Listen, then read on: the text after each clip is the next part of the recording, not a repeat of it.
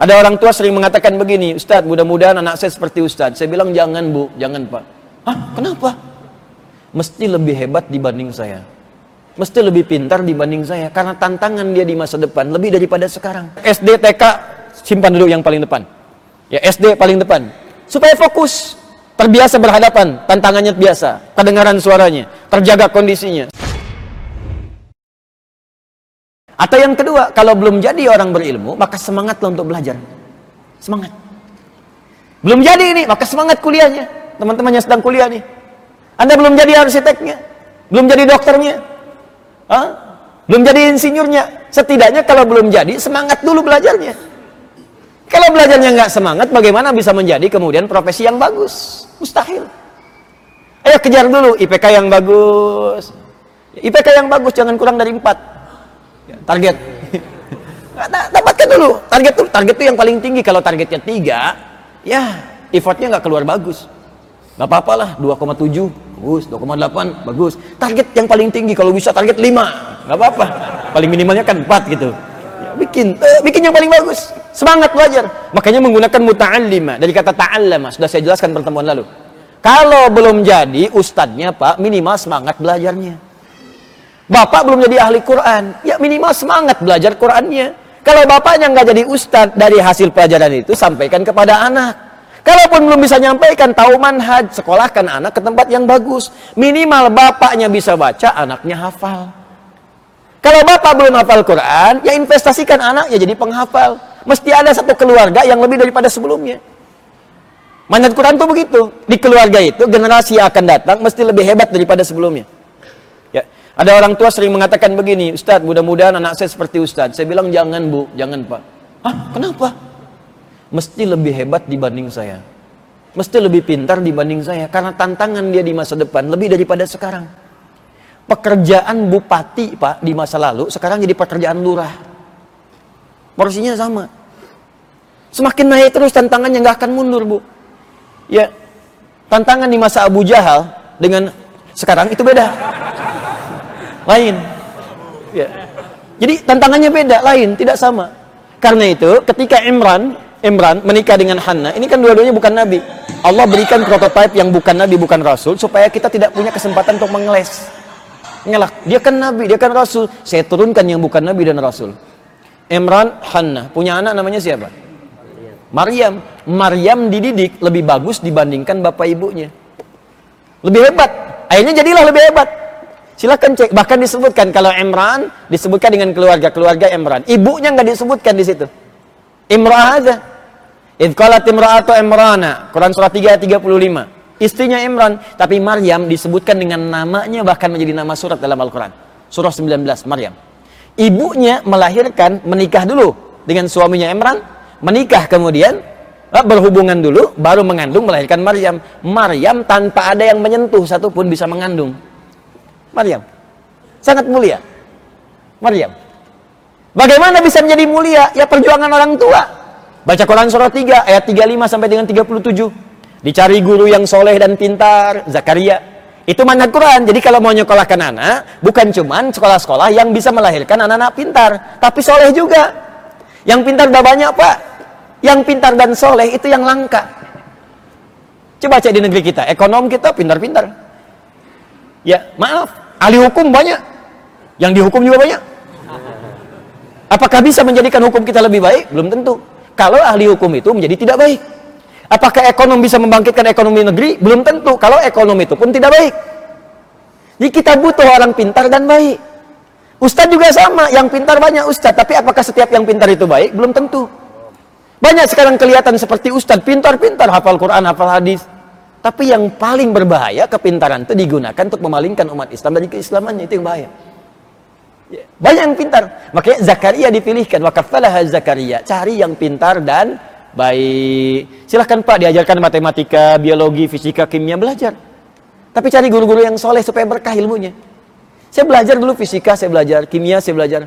Matematika, saya belajar. Ya, cari guru-guru yang baik. Supaya juga ada nanti Kemisti yang bagus, ilmunya dipakai untuk menguatkan imannya. Di sini muncul kalimat iman dan takwa. Iman dan imtak. Ya, iman dan takwa masuk dua-duanya. Jadi kalau belajarnya begini nanti teori-teori fisika bisa dipakai untuk menguatkan ibadah. Ya. Jarak S mencari jarak V kali T, S sama dengan V kali T. Kecepatan dikalikan dengan waktu. Jadi kalau jaraknya jauh, maka tambah kecepatannya, maka waktunya semakin berkurang. Anda di mana tinggalnya? Sukabumi, hubu dunia. Pengen ke Bekasi, ya. Sukabumi, suka itu hubun, bumi itu dunia. Sukabumi, hubun, dunia. Saya mau ke Bekasi nih. Jaraknya berapa dari Sukabumi ke Bekasi? Oh, dipetakan nih jarak tempuhnya. Jarak tempuhnya berapa nih? Wah, dipetakan. Oh, sekitar 70 kilo. 70 kilo. Waktu tempuhnya berapa? Kecepatannya berapa? Untuk mendapatkan waktu yang minimal, kecepatan tambah. 120 km per jam, lancar, nyampe lebih tepat waktu, nyampe sini jam 4, ada waktu untuk etikaf sebentar. Ya, 140 km per jam, langsung ke surga. Ya. Nyari waktu S dibagi T, nyari kecepatan S dibagi, ya, nyari kecepatan S dibagi T, nyari waktu S dibagi V, ya kan? Gaya F sama dengan F1, ya gaya gaya itu F1 sama dengan F2, gaya gerak sama dengan gaya dorong, ya ininya sebentar ringan maka bunyinya pelan pukulannya kencang gayanya berubah jadi lebih kencang lagi bunyinya kencang pakai dalam iman iman kuat amalannya juga bagus. Iman lemah amalannya lemah. Jadi kalau sedang amalan lemah berarti imannya lemah. Ya?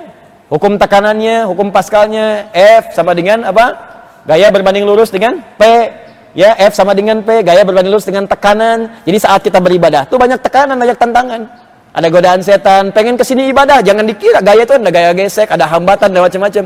Di jalan ada tikungan, ada lubang, ada macam-macam, ada gangguan dari sejak bangun tidur. Itu dipakai rumus itu. Dalam akhlak bisa dipakai F berbanding lurus dengan P, gaya berbanding lurus dengan tekanan, semakin banyak gaya, semakin banyak tertekan hidupnya. Ya, nah, itu. Jadi bisa teratur hidup kita itu, pakai rumusnya. Kimia dipakai, jadi enak hidupnya, biologi dipakai, sehat. Biologi kan kaitannya dengan toharoh. Bagaimana makanan yang higienis, bagaimana pakaian yang bersih, pakai. Itu banyak kok diajarkan isyarat di hadis-hadis Nabi wasallam. Belajar dengan serius. Demi Allah saya katakan jangan Pak biarkan anak-anak kita belajar Bapak itu investasi Ibu Bu. Coba berapa sekarang menyekolahkan anak-anak? TK aja udah puluhan juta sekarang. SD sekian. Bapak tuh Pak kerja keras Pak, keringat, investasi, nabung, Ibu berdoa. Sekarang Anda biarkan anak belajar seadanya. Jangan biarkan Bu Pak, jangan mau. Pulang ke rumah cek lagi. Orang tua saya dulu begitu. Belajar apa nak? Lihat, mana pelajaran tadi? Buka lagi. Cek lagi. Paham nggak? Sampai pahamnya ditanya tuh. Maghrib TV mati semua. Mau sembunyi ke mana pun dicari. Ibu saya nyari. Sembunyi saya pernah di bawah lemari. Dicari. Adi, oh, udah. Mau nyampe Isa, mau nyampe malam dicari tuh. Ngaji. Ngaji. Ya, jadi malam dibuka, cek lagi, disiapkan lagi. Ini kan orang tua sekarang nggak semuanya. Kadang-kadang cuma nyari bukunya, siapkan nak bawa, Anak-anak pakai tas besar, cuma jadi beban aja kasihan gitu. Ya, balik lagi cek lagi, lihat lagi belajar apa, tes lagi. Ya, pastikan datang ke kelasnya sap paling pertama, paling depan, jangan biarkan paling belakang. Dari sejak SD, TK, simpan dulu yang paling depan. Ya, SD paling depan. Supaya fokus, terbiasa berhadapan, tantangannya biasa, kedengaran suaranya, terjaga kondisinya. Sak depan tuh, uh, kelihatan. Mau jawab SMS, enggak, biarin. Mau telepon di silent gitu kan mau bikin status nggak enak, ya. mau foto begini selfie nggak bisa, eh matikan.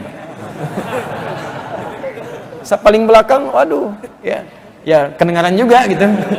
Tapi tergantung fokus kita juga. Kalau enggak ya repot, tantangannya banyak dan godaannya tinggi. Tembok, tiang.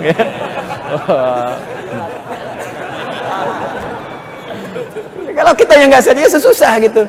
Ya, kan banyak apalagi pesantren. Pesantren luar biasa masuk kelas, belakang kadang ada kasurnya ya bisa nyukur di belakang kadang-kadang ya, banyak-banyak terjadi seperti itu ya sekarang gimana kita mau bangun bangsa kalau kitanya nggak serius belajar oh yang di luar nih yang ikut tayangan ini yang di luar pulang pulang pulang jadi pakar-pakar itu pulang bangun bangsa kita cintai negeri kita cintai mustahil iman itu pasti akan berdampak baik bagi lingkungan Jangan diajarkan orang Islam untuk mencintai bangsa. Orang Islam itu otomatis begitu dia muslim pasti mencintai bangsanya.